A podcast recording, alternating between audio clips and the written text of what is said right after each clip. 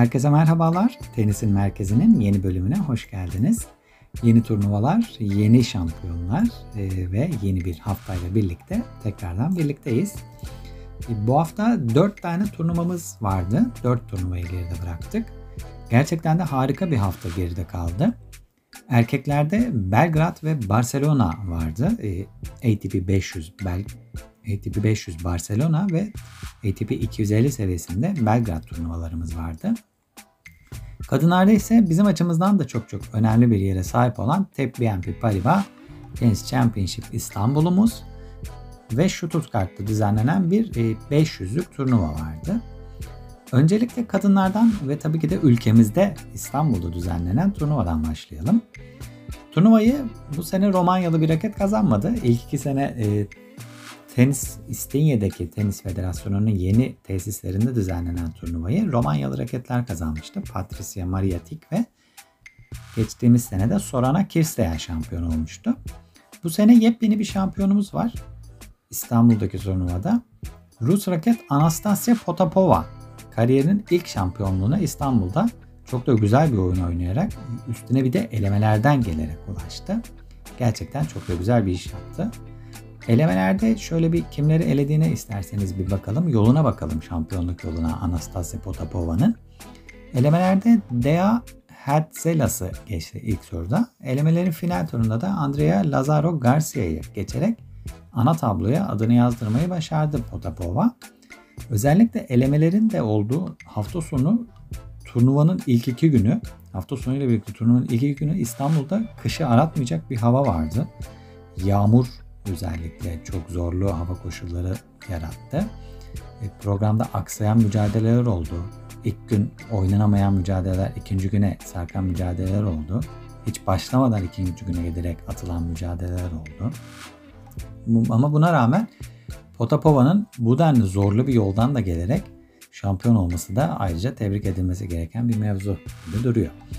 Ana tabloda yoluna bakalım şöyle. Kimlerle oynadı Potapova? İlk turda Bartunkova'yı geçti. E, ikinci turda Petra Martic'i elemeyi başardı. Bu turnuvanın eski şampiyonlarından bir tanesi Petra Martic. E, İstanbul Cup adıyla düzenlenen turnuvada şampiyon olmuş bir isim Petra Martic. Çeyrek finalde Sara Sorribes Tormo'yu geçti. O da turnuvanın e, toprak kort özelinde olmasıyla birlikte şampiyon adaylarından bir tanesiydi. Sara Sorribes Tormo'yu çeyrek finalde geçmeyi başardı Potapova. Yarı finalde Yulia Putinseva'yı geçti ve finale kadar geldi. Finalde ise karşısında kendi vatandaşı yine bir başka Rus raket Veronika Kudermetova vardı. Onu da ayrıca tebrik etmek lazım. 2022 yılındaki istikrarlı oyunu sürdürüyor gerçekten Kudermetova. Ancak finaldeki şanssızlığını bir türlü kıramadı. Üçüncü finaline çıktı e, ve yine finalden mağlup ayrılan taraftı. Ee, üçüncü finalinden de mağlup ayrıldı. Bu sene başında Avustralya'da Melbourne Somerset kapsamında düzenlenen turnuvaların bir tanesinde final oynamıştı. Halep'e kaybetti orada. Daha sonrasında Doha ya da Dubai'ydi sanırım. Orada da yine finale yükseldi. Ee, orada da Yelena Ostapenko'ya mağlup oldu. Veronika Kudermetova. Benim aslında şampiyonluk adayım Veronika Kudermetova'ydı turnuva başlamadan önce. E, konuk olduğum file önünde e, Volante'nin podcast'te file önünde konuk olduğumuzda e, çok teşekkür ediyorum onlara da bu arada. Çok güzel bir sohbet oldu. E, podcast'i de dinleyebilirsiniz. Dinlemenizi öneririm. E, orada e, şampiyonluğu tartışırken e, ben Kudermetova'nın şampiyonluğa ulaşacağını düşünüyordum. E, ki keza finale kadar da e, ulaştı aslında. E, çünkü seviyesi buradaki tenisçilerin aslında bir tık üstünde. 2022 yılındaki performansını düşünürsek finale kadar da zaten bu performansını sürdürdü ama finalde maalesef e, o şanssızlığını bir türlü kıramıyor. Bu yıl iki, ilk iki finalinde olduğu gibi e, üçüncü finalinden de yine mağlup ayrılan taraf oldu. İstinye'deki tenis merkezinde ilk defa seyirci olarak düzenlendi bu turnuva. Kupaya uzanan taraf e, çok fazla zorlanmadan da Anastasya Potapova oldu diyebiliriz final mücadelesinde. Kendisini tebrik edelim. E, turnuvanın bizim açımızdan yani Türkler açısından e, nasıl geçtiğine şöyle bir bakalım. E, pek iyi geçmedi aslında. Ana tabloda İpek ve Pemra ile birlikte yer aldık. İki white kartımız vardı. E, İpek ilk turda ikisi de ilk turda mağlup, e, mağlup oldu turnuva e, temsilcilerimizin. İpek ilk turda Arança Rus'a mağlup oldu. Pemra ise turnuvanın sürpriz isimlerinden birisi haline gelen e, Julia Graper'e mağlup oldu. E, Graper elemelerden gelmişti Julia Graper'de. E, daha sonrasında Jill Tarman'ı da elemeyi başardı zaten ikinci turda. Büyük bir sükse yarattı o da. Oyunu da gerçekten güzel şekilde gelişiyor. Gelişiminde İstanbul güzel bir başlangıç oldu onun içinde. Bundan sonra da takip listemize ekleyelim. Güle Grapper'e bakalım Avusturyalı raket e, turnuvanın devamında neler yapacak. İstanbul'da turnuvanın e, 2022 yılını da bu şekilde kapatmış olduk. Elemelerde Türk raketlerimiz vardı. Onlara da bir şöyle ufak e, göz gezdirelim isterseniz. Kimler vardı derseniz. Berfu Cengiz elemelerde yer aldı. Zeynep Sönmez yine elemelerde yer aldı ve Ayla Aksu ülkemizi temsilen elemelere katıldılar. Zeynep ilk turda Ana Bogdan'la eşleşti. Maalesef çok şanssız bir kura oldu Zeynep için. Ee, Ana Bogdan'ı maalesef geçemedi. Berfu Yu Yuan'la eşleşti. İlk turu geçti aslında Berfu. Ee, elemelerin final turunda da Zeynep'i geçen Ana Bogdan'la mücadele etti. Ee, ana tablo ismini yazdığın isim Ana Bogdan oldu. Ayla Aksu için ise çok çok şanssız bir kura geldi. E, Çinli rakibi Qiang Wang geldi. O da e, zamanında 12 numaraları kadar çıkmış bir isim.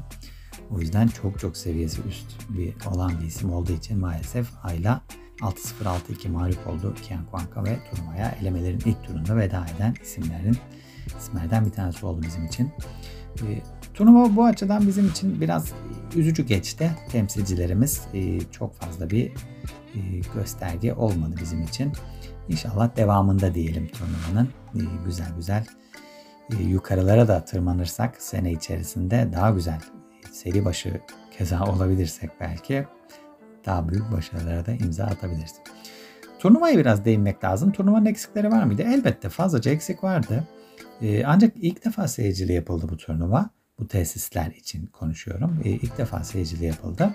İnşallah ilerleyen yıllarda da aksaklıklar giderilerek e, daha iyi bir seviyeye gelmesini umuyoruz. Gelecektir de muhtemelen. E, seyirciyi çekmekte biraz zorlandık tabii haliyle. İlk iki gün e, soğuktu. Çok soğuktu hava. E, insanlar belki soğuk nedeniyle de gelmeyi tercih etmemiş olabilirler. Hava şartları, yağmur var çünkü. Biraz zorlu hava şartları vardı. Sadece hafta sonu hatta final maçında biraz istenen kalabalığa ulaşılabildi sanki. İnşallah sponsorlar burada çok büyük. E, sponsorlara çok büyük iş düşüyor. Sponsorların da desteğiyle ilerleyen yıllarda daha yüksek sıralamalı isimleri de buraya çekebilirsek daha fazla seyirciyi bu şekilde belki kortları çekmemiz mümkün olacaktır. Ee, sponsorları dediğim gibi çok çok büyük bir iş düşüyor burada. Onlar bizim için çok değerliler. Ee, onlar olmazsa zaten bu turnuvaların devamlılığı olmaz. Sponsorların da desteğiyle darısı gelecek senelere diyelim ve İstanbul turnuvamızı kapatalım. Ee, kadınlarda bir diğer turnuva Almanya'da Stuttgart'ta düzenlendi bu hafta. WTA 500 kapsamında Stuttgart Porsche'nin ana sponsorluğunda düzenlenen bir turnuvaydı. İsim sponsoru zaten Porsche'ydi. E, burada her hafta ya da iki haftada bir kadınlarda artık Iga Świątek şampiyon oldu demezsek sanırım bu programı yapamayacağız. Çünkü Iga Świątek bir kez daha şampiyon olmayı başardı. 2022 yılındaki dominasyonunu sürdürüyor. Artık haber değeri pek taşımamaya başlayacak bu durum. E, Iga'nın şampiyonlukları. Stuttgart'ta da yine çok çok rahat bir şekilde kupaya uzanmayı başardı. Tek bir maçında biraz zorlandı. Finalde Sabalenka'yı yine o final dominasyonu bugüne kadar gösterdiği o final dominasyonu göstererek 7 maç 7. kupasına uzanmayı başardı. E, rahat bir şekilde geçti. Bu sezonki üst üste 4. turnuvasından da kupayla ayrıldı Sabalenka. Şöyle bir isterseniz kimleri geçti hemen onları ben e, kısaca söyleyeyim. Hemen bakıyorum. Sabah, e, Iga Świątek ilk turda ilk turu bay geçti. İkinci turda e, Eva Lis ile oynadı. Eva Lis'i yine 6-1 6-1 ile çok çok e, kolay göstererek yine mağlup etmeyi başardı. Çeyrek finalde Emma Raducanu'yu geçti. Yarı finalde en zorlandığı maç bu oldu zaten. Lyudmila Samsonova ile oynadı yarı finalde. Set kaybetti. Uzun süre sonra set kaybetti Iga Świątek. Ama Samsonova'yı da geriden gelerek zor da olsa 6-4-7-5 geçmeyi başardı ve finalde de Arina Sabalenka'yı mağlup etti. Ee, şöyle hemen devam edelim. Çok acayip şekilde domine etmeye devam ediyor gerçekten WTA turu. Ee, tek bir maçta zorlandı işte Samsonova maçında. Ee, set kaybetti ve geriden gelerek yine kupayı kazanmayı başardı. Samsonova maçını da ben şöyle biraz yorumlayabilirim. Hani derler ya şampiyonluk apoleti böyle oyuncuların üzerine yapıştığında kötü gününüzde de kazanabilmelisiniz gibi. Iga artık o şampiyon raket isminin kesinlikle hakkını veriyor. Çok uzun süredir en kötü olduğu maçtı Samsonova maçı.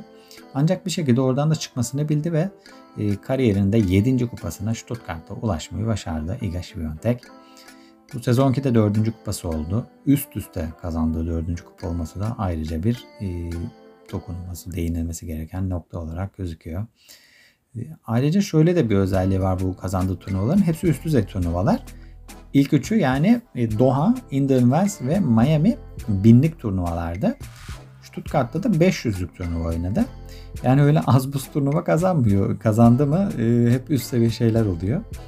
Ya toprak sezonuna daha yeni girdik. En sevdiği zemine daha yeni geldi Higashi Biontech. Açılışı kupayla yaptı. Sıra önümüzdeki hafta Madrid olacak. 27'sinde ya da çarşamba ya da perşembe eleme maçlarıyla başlıyor Madrid Masters turnuvası. Ee, en sevdiği yeri süpürmeye devam edebilecek mi bakalım. Önümüzdeki hafta göreceğiz. Kazanmaması artık haber niteliği taşıyacak sanırım Iga'nın bekleyip izleyip hatta keyfini çıkarıp e, biz de görelim. Stuttgart'ta da böyle bir tablo vardı. Stuttgart'ı da kapatıp e, erkekler tarafına geçelim isterseniz. Erkeklerde iki turnuvamız vardı. ATP 500 Barcelona ve ATP 250 Belgrad'da iki turnuva düzenlendi. Belgrad'dan başlayalım değerlendirmeye. Barcelona'ya da sonra geçelim. Burada tabii ki de takip edilecek isim dünya bir numarası buradaydı. Novak Djokovic takip ettik. Djokovic Monte Carlo'da ilk maçında elenince e, herkesin içine bir korku düşmüştü. Haliyle. Özellikle son sette Davidovic Fokina karşısında adeta şu hani reklam var ya pil reklamı e, isim vermeyeyim de sıradan piller gibi bitik bir halde kalınca insanlar e, Novak'ın nasıl toparlanacağını merak etmeye başladılar korkulacak kadar da var aslında durum. Çünkü Novak gerçekten çok Davidovic Fokina maçının son setinde özellikle çok kötü bir durumdaydı. Fiziksel olarak bittiğinde zaten maçtan sonra kendisi de söyledi. Ekibiyle değerlendireceğini söyledi bu durumu. Novak Belgrad'da finale kadar ulaştı. Ancak nasıl ulaştığını ne siz sorun ne de ben söyleyeyim cinsinden derler ya. O şekilde ulaştı Novak finale kadar. E, finale gelene kadar her maçında bir set geriye düştü Novak. Final maçında da bir set geriye düştü. İlk maçında Laszlo Cere'ye karşı bir set geriden gelerek 3 saate geçen bir mücadele oynadı. Maç puanları çevirdi yanlış hatırlamıyorsam. Ee, ancak bir şekilde kazanmasını bildi Novak Djokovic. Çeyrek finalde 2022'nin sürpriz ismi vatandaşı Kecmanovic'i yine geriden gelerek mağlup etmeyi başardı. Yarı finalde yine aynı tarifeyi bu sefer Karen Hachanov'a uyguladı. Bir şekilde finale kadar ulaşmayı başardı Novak Djokovic Belgrad'da. Finalde ise karşısına bir diğer Rus raket Andrei Rublev çıktı. E, finalin de ilk setini Rublev kazanmayı başardı. E, her maç olduğu gibi akıllara yine o soru geldi bu sefer. Novak e, yine geri dönmeyi başarabilecek mi? Şampiyonluğu bu sefer tamamlamayı başarabilecek mi dendi. Ancak bu sefer o geri dönüş için ilk adım atsa da geri dönüş için ikinci seti kazansa da son set gerçekten korttan tamamen silinen bir Novak Djokovic oldu. Rublev Bagel ile 6-0 kazanmayı başardı son seti ve kariyerinin 11. şampiyonluğuna Belgrad'da ulaştı Andrei Rublev. Novak'ı değerlendirmek gerekirse son setteki hali Djokovic'in gerçekten hiç hazır olmadığını gösteriyor. Roland Garros'a neredeyse tam bir ay var. E, Mayıs ayında Madrid ve Roma Masters turnuvaları düzenlenecek. Önümüzdeki hafta başlıyor hatta. Katılımcı listesinde ikisinin katılımcı listesinde de Novak Djokovic yer alıyor. Roma turnuvasını hatta oynaması kesinleşti gibi muhtemelen. Çünkü e, oradan da katılmasında herhangi bir problem olmadığına dair açıklamalar geliyor Roma yönetiminden. Madrid'den ama tam da onay gelmemiş. Ancak orayı da oynama ihtimali yüksek gibi gözüküyor şu an için. E, Novak'ın gerçekten şu an kesinlikle turnuva oynaması gerekiyor. Oynadıkça çünkü açılıyor. Belgrad'da da gördük. E, oynadıkça oynadıkça o seviyeyi biraz daha yükseltebiliyor. O istenen, o beklenen Novak'tan beklenen, dünya bir numarasından beklenen vuruşlar Novak oynadıkça oynadıkça geri kendine gelmiş gibi gözüküyor. 3 setlik maçları bile son setinde bu hale geliyorsa Novak Djokovic yani 5 setlik e, Grand Slam maçlarında bir maçı hiç çıkaramayacağı aşikar. Hatta 5. seti bile görmeden muhtemelen maçlar bitmiş olur bu haliyle.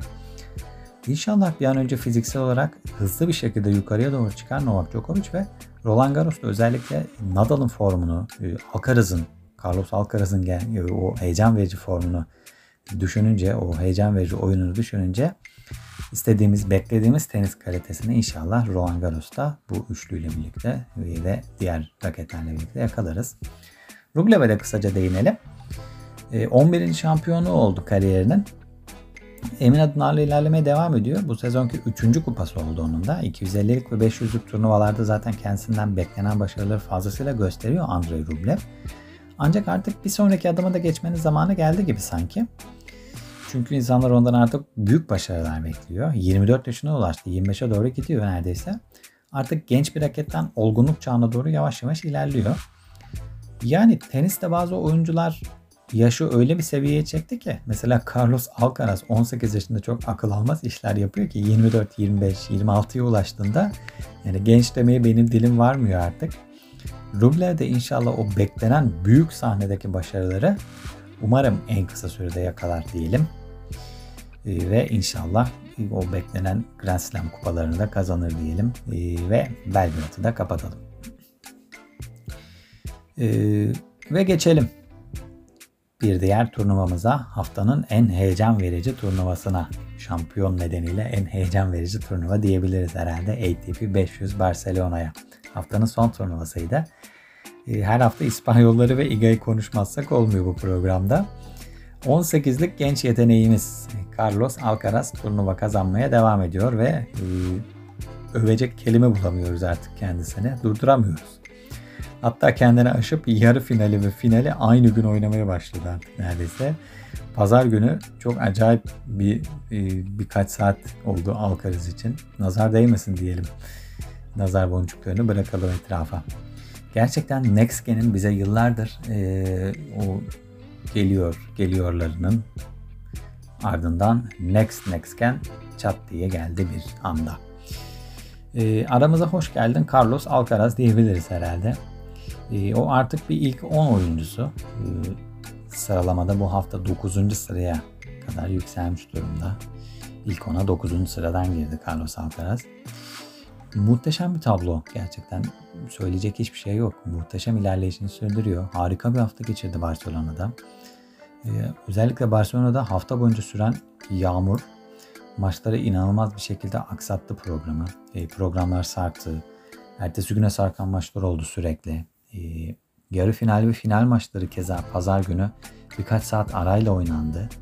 Yarı final maçları cuma günü oynanamadı. Cumartesi günü oynanamadı. Pazar gününe sarktı. E, ve aynı gün yarı final ve final maçlarını oynamak zorunda kaldı oyuncular. E, hatta Alcaraz yarı final maçında e, Deminör'le, Alex Deminör'le oynadı. 4 saate yakın sürdü bu karşılaşma. 3 saat 42 dakika mı ne sürmüştü. Gerçekten onun üzerine artık gelip de finali de kazanamaz herhalde diye ben düşünmeye başlamıştım şahsen ne yalan söyleyeyim. Ama öyle kolay kazandı ki yani gerçekten ağzımız açık izliyoruz Alcaraz'ın oyununu. Çok çok heyecan verici bir tenisi var. Keza Nadal'la karşılaştırılmalı da ortada. Ee, her özelliği benziyor resmen Nadal'a. İdolü olduğu için de çok çok fazla bu karşılaştırmaları göreceğiz gibi ömrümüz boyunca. İkisi de bugün 25 Nisan günü yani ilk ona adım atmayı başarmışlar. Nadal 7 numaradan giriş yapmış. Alcaraz da 9 numaradan giriş yaptı ilk ona. Ekibiyle bu seneki hedefi ilk 15'ti Carlos Alcaraz'ın aslında. Ancak yükseliş çok hızlı oldu. Kendilerini de beklemediği bir şekilde muhtemelen. Daha Nisan ayında Zevik Alcaraz ilk ona giriş yapmış durumda 9 numaradan. Bu gidişle muhtemelen ilk 5 içerisinde bile bitirebilir. Hatta çok çok yüksek bir ihtimal 5 içerisinde bitirmesi de. Valla bir Grand Slam bile gelirse ben artık şaşırmayacağım. E, o konuma ulaştı çünkü Alcaraz oyunuyla çok üst düzey bir oyun oynuyor. E, çok e, oturaklı bir oyun oynuyor. Her şeyi gerçekten mükemmele yakın yapıyor. Yani 18 yaşında hala bunları bu seviyede yapabiliyorsa ve daha da geliştirebileceğini düşününce yani gerçekten yüksek seviye Grand Slam şampiyonlukları da bekliyoruz haliyle. E çünkü o şampiyon apoletini çok çok rahatlıkla taşıyabilecek bir kapasitesi e, ve o şampiyonluğa ulaşabilecek oyunu da kesinlikle oynuyor Alcaraz. Hiç şüphe duymaz bir gerçek bu artık. E, ATP Tur'a çok büyük bir heyecan getirdi. Bu da kesin. İnşallah sakatlık vesaire bir şey olmaz da çok uzun uzun yıllar e, Alcaraz izlemeyi sürdürürüz. Tenisin çünkü böyle dominasyonlara bana kalırsa ihtiyacı var. E, domine eden bir karakter olunca e, domine eden bir karakterler çıktıkça böyle e, onlara rakip olmayı isteyebilecek isimler de çoğalıyor çünkü. E, İnşallah bu şekilde sürer tablo. Herhangi bir sakatlık olmaz dediğimiz gibi. E, ve tebrik ederim kendisini Alcaraz'ın. Bir 5. şampiyonluğu oldu. Bir tane de şeyi eklersek Next Gen turnuvasında şampiyon olmuştu. Onu da eklersek toplamda 5. şampiyon oldu. Bu seneki 3. kupası Carlos Alcaraz'ın. Kupaları toplamayı sürdürüyor. 3'te kalmayacağı da aşikar bu gidişle. Bakalım e, Madrid ve Roma'da nasıl bir performans gösterecek. Hmm, merakla bekliyoruz Carlos Alcaraz'ın performansını. Evet haftanın turnuvaları bu şekildeydi. Ee, tablolar bu şekilde gerçekleşti. 4 tane şampiyon raket belirledik yine. Kupaları verdik ve e, haftayı kapattık. Haftanın haberlerine geçelim. E, çok çok önemli bir mesele var haftanın haberlerinde oynanan tenisin dışında. İngiltere ve Wimbledon yönetimi Rus ve Belaruslu raketleri Wimbledon'a ve Britanya sınırlarındaki tüm tenis organizasyonlara almama kararı aldı. Gündeme bomba gibi düştü bu haber hafta içi. Ee, uzunca bir süre böyle bir uzunca bir süre önce böyle bir söylenti olarak dillendirilmeye başlanmıştı aslında. İngiltere Spor Bakanı oyuncuların Rusya'yı desteklemediklerine dair bir garanti vermelerini istemişti. Yani bu kadar ileriye gidebileceklerini ben ne yalan söyleyeyim düşünmemiştim. Bu denli saçma sapan yani anlaşılabilir tek bir yanı bile olmayan bu kararı alabileceklerini düşünmemiştim. Yani aldılar gerçekten. Tebrik ediyorum ee, bu kadar saçma sapan bir kararı aldıkları için. Rusya ve Belarus sporcuları ülkedeki tüm tenis organizasyonlarından men ettiler. Yani ne akla ne mantıkla aldılar gerçekten hiçbir mantığa sığmayan bir karar. Yani bir şey söyleyemiyorum. Ne denebilir ki yozlaşmış bir siyasetin yine e, spora elini sokmasıyla e, hiç alakası bile olmayan tenis oyuncularının e, ekmeğiyle oynanıyor bu kararla birlikte. Ki bu sporcular savaşa karşı olduklarını da beyan ediyorlar. Andrei Rublev e, kameralara yazdı artık yani savaşa hayır diye. Daha ne yapabilir bu insanlar? Daha size nasıl bir garanti verebilir ki? Gerçekten kararın neresinden bakarsanız bakın, neresinden tutarsanız tutun tek bir dayanağı, e, anlaşılabilir tek bir yanı bile yok. E, bu karara karşılık ATP ve WTA bir açıklama yayınladı.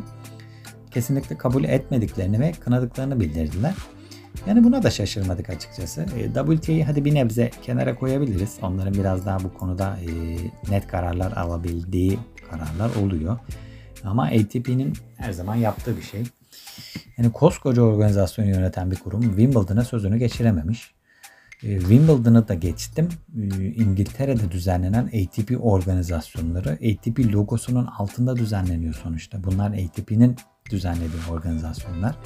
Yani kim hangi hakla buraya bu ben bu millette olan e, olmayan sporcuları almıyorum diyebilir ki yani. Yani bilemiyorum. ATP bu konuda çok çok e, ciddi adımlar atması gerekiyor. E, yapılacak tek iş var bana kalırsa. Ama tabii yapılamaz. E, ATP ve WTA çıkacak. E, ben de sizin lisanslarını biz bir güzel iptal ettim diyebilir yani orada düzenlenen turnuvalara. E, yani ülkenizde turnuva düzenlemiyorum diyecek. E, yani kısasa kısas. Artık e, durum o kıvama gelmiş durumda.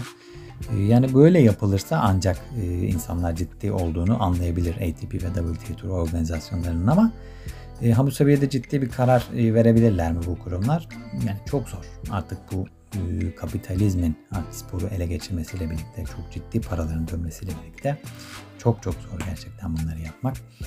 E, inanılmaz bir sponsorluk meblağları var çünkü. E, bu zararı tabii hiç kimse göze alamıyor. Yani o açıdan bir şey diyemiyorum tabii. E, Peng Shuai olayında da olduğu gibi e, hele hele ATP hiç girmiyor zaten o toplara. E, dün de bir söylenti çıktı. E, ATP ve WTA'nin Madrid'de bir araya gelerek Wimbledon'daki puanları sıralamada kullanmayacakları dair bir toplantı yapılacağı söylendi. Ama ne kadar doğru bilmiyoruz. E, birkaç güne kadar tabii doğruluğu var mı göreceğiz onu da. En azından Rus ve Belarus oyunculara destek olunacaksa bu da bir adımdır en nihayetinde. Yani umarım vazgeçerler bu karardan diyeceğim ama pek de vazgeçecek gibi durmuyorlar şu an için. Bakalım süreç nasıl devam edecek. Tenis tarihinin gördüğü herhalde en berbat kararlar listesinde maalesef zirveye oynayacak derecede kötü bir karar oldu. Yani tarihteki yerini alacak bu karar. Bekleyip görelim bakalım vazgeçecekler mi? E, neyse kötü bir haberden iyi bir habere geçelim. E, Maria Sharapova bu hafta hamile olduğunu duyurdu. E, 35 yaşına girdiği gün e, doğum gününde hamile olduğunu açıkladı Sharapova. E, büyük bir sükse yarattı tabii bu haber. E, minik bir Sharapova daha geliyor aramıza. Bakalım kız mı olacak erkek mi? Tabii akla tenisçi olacak bir soruları geliyor hemen ilk olarak. Yani sağlıklı olsun da e, bebeğini sağlıkla kucağına alsın Sharapova. E, başka bir şey dilemeyelim şimdilik. Kız da olsa erkek de olsa fark etmiyor. E, Federer'in çocuklarını Serena'nın kızını düşününce e, Sharapova'dan da e, gelince tabii böyle bir haber. Bir 10-15 sene sonrası için heyecanlanmamak elde değil. Ufaktan ufaktan heyecanlanmaya başlıyor insan. Bakalım inşallah onları da tenisçi, e, tenis içinde görebiliriz çocukları. Yani bu genlerin devamı gelsin istiyor insan. E, haberlerimiz de bu şekildeydi. E, son olarak da geçelim bu hafta hangi turnuvalar var onlara da kısaca değinelim. Kadınlarda turnuvamız yok bu hafta. E, erkeklerde iki tane turnuva var. E, 250'lik seviyede iki turnuvamız var. Birisi Münih'te, e, Münih'te, birisi de Estoril'de, Portekiz'de düzenlenecek. Hemen kimler var?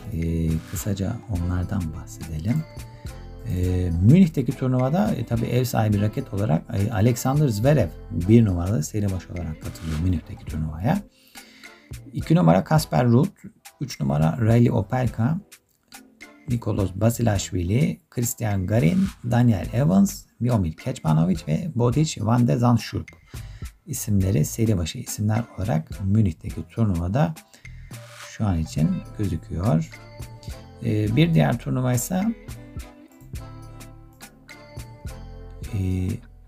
Estoril'de Portekiz'de düzenlenecek. Hemen oraya da bakalım şöyle kimler var. Seri başı isimler olarak. Bir numaralı seri başı olarak Felix Oje Aliasim gözüküyor. 2 numara Diego Schwarzman. 3 numara Marin Cilic. 4 numara Alejandro Davidovic Fokina olarak gözüküyor. Ee, Monte Carlo'nun sürpriz finalistine e, Estoril ile izleme imkanı bulacağız. Bakalım neler yapacak. Ee, Francis Tiafo, e, Albert Ramos Vignolas, Tommy Paul ve Sebastian Korda buranın kalan seri başları olarak şu an için gözüküyor. E, Estoril'de şöyle de bir isim var. Wildcard'da katılan Dominic Thiem. E, bu hafta güzel bir e, yavaş yavaş o toparlanma ibarelerini görmeye başladık Dominic Thiem'den. E, inşallah Estoril'de de e, yavaş yavaş birkaç da tur geçerse, birkaç maç daha yaparsa o beklenen seviyeye de ulaşabileceğini bekliyoruz Dominic Thiem'in. Bu haftayı da bu şekilde kapatalım. E, tenisin merkezinden bu haftalık bu kadar. Önümüzdeki hafta görüşmek üzere diyelim. Hoşçakalın.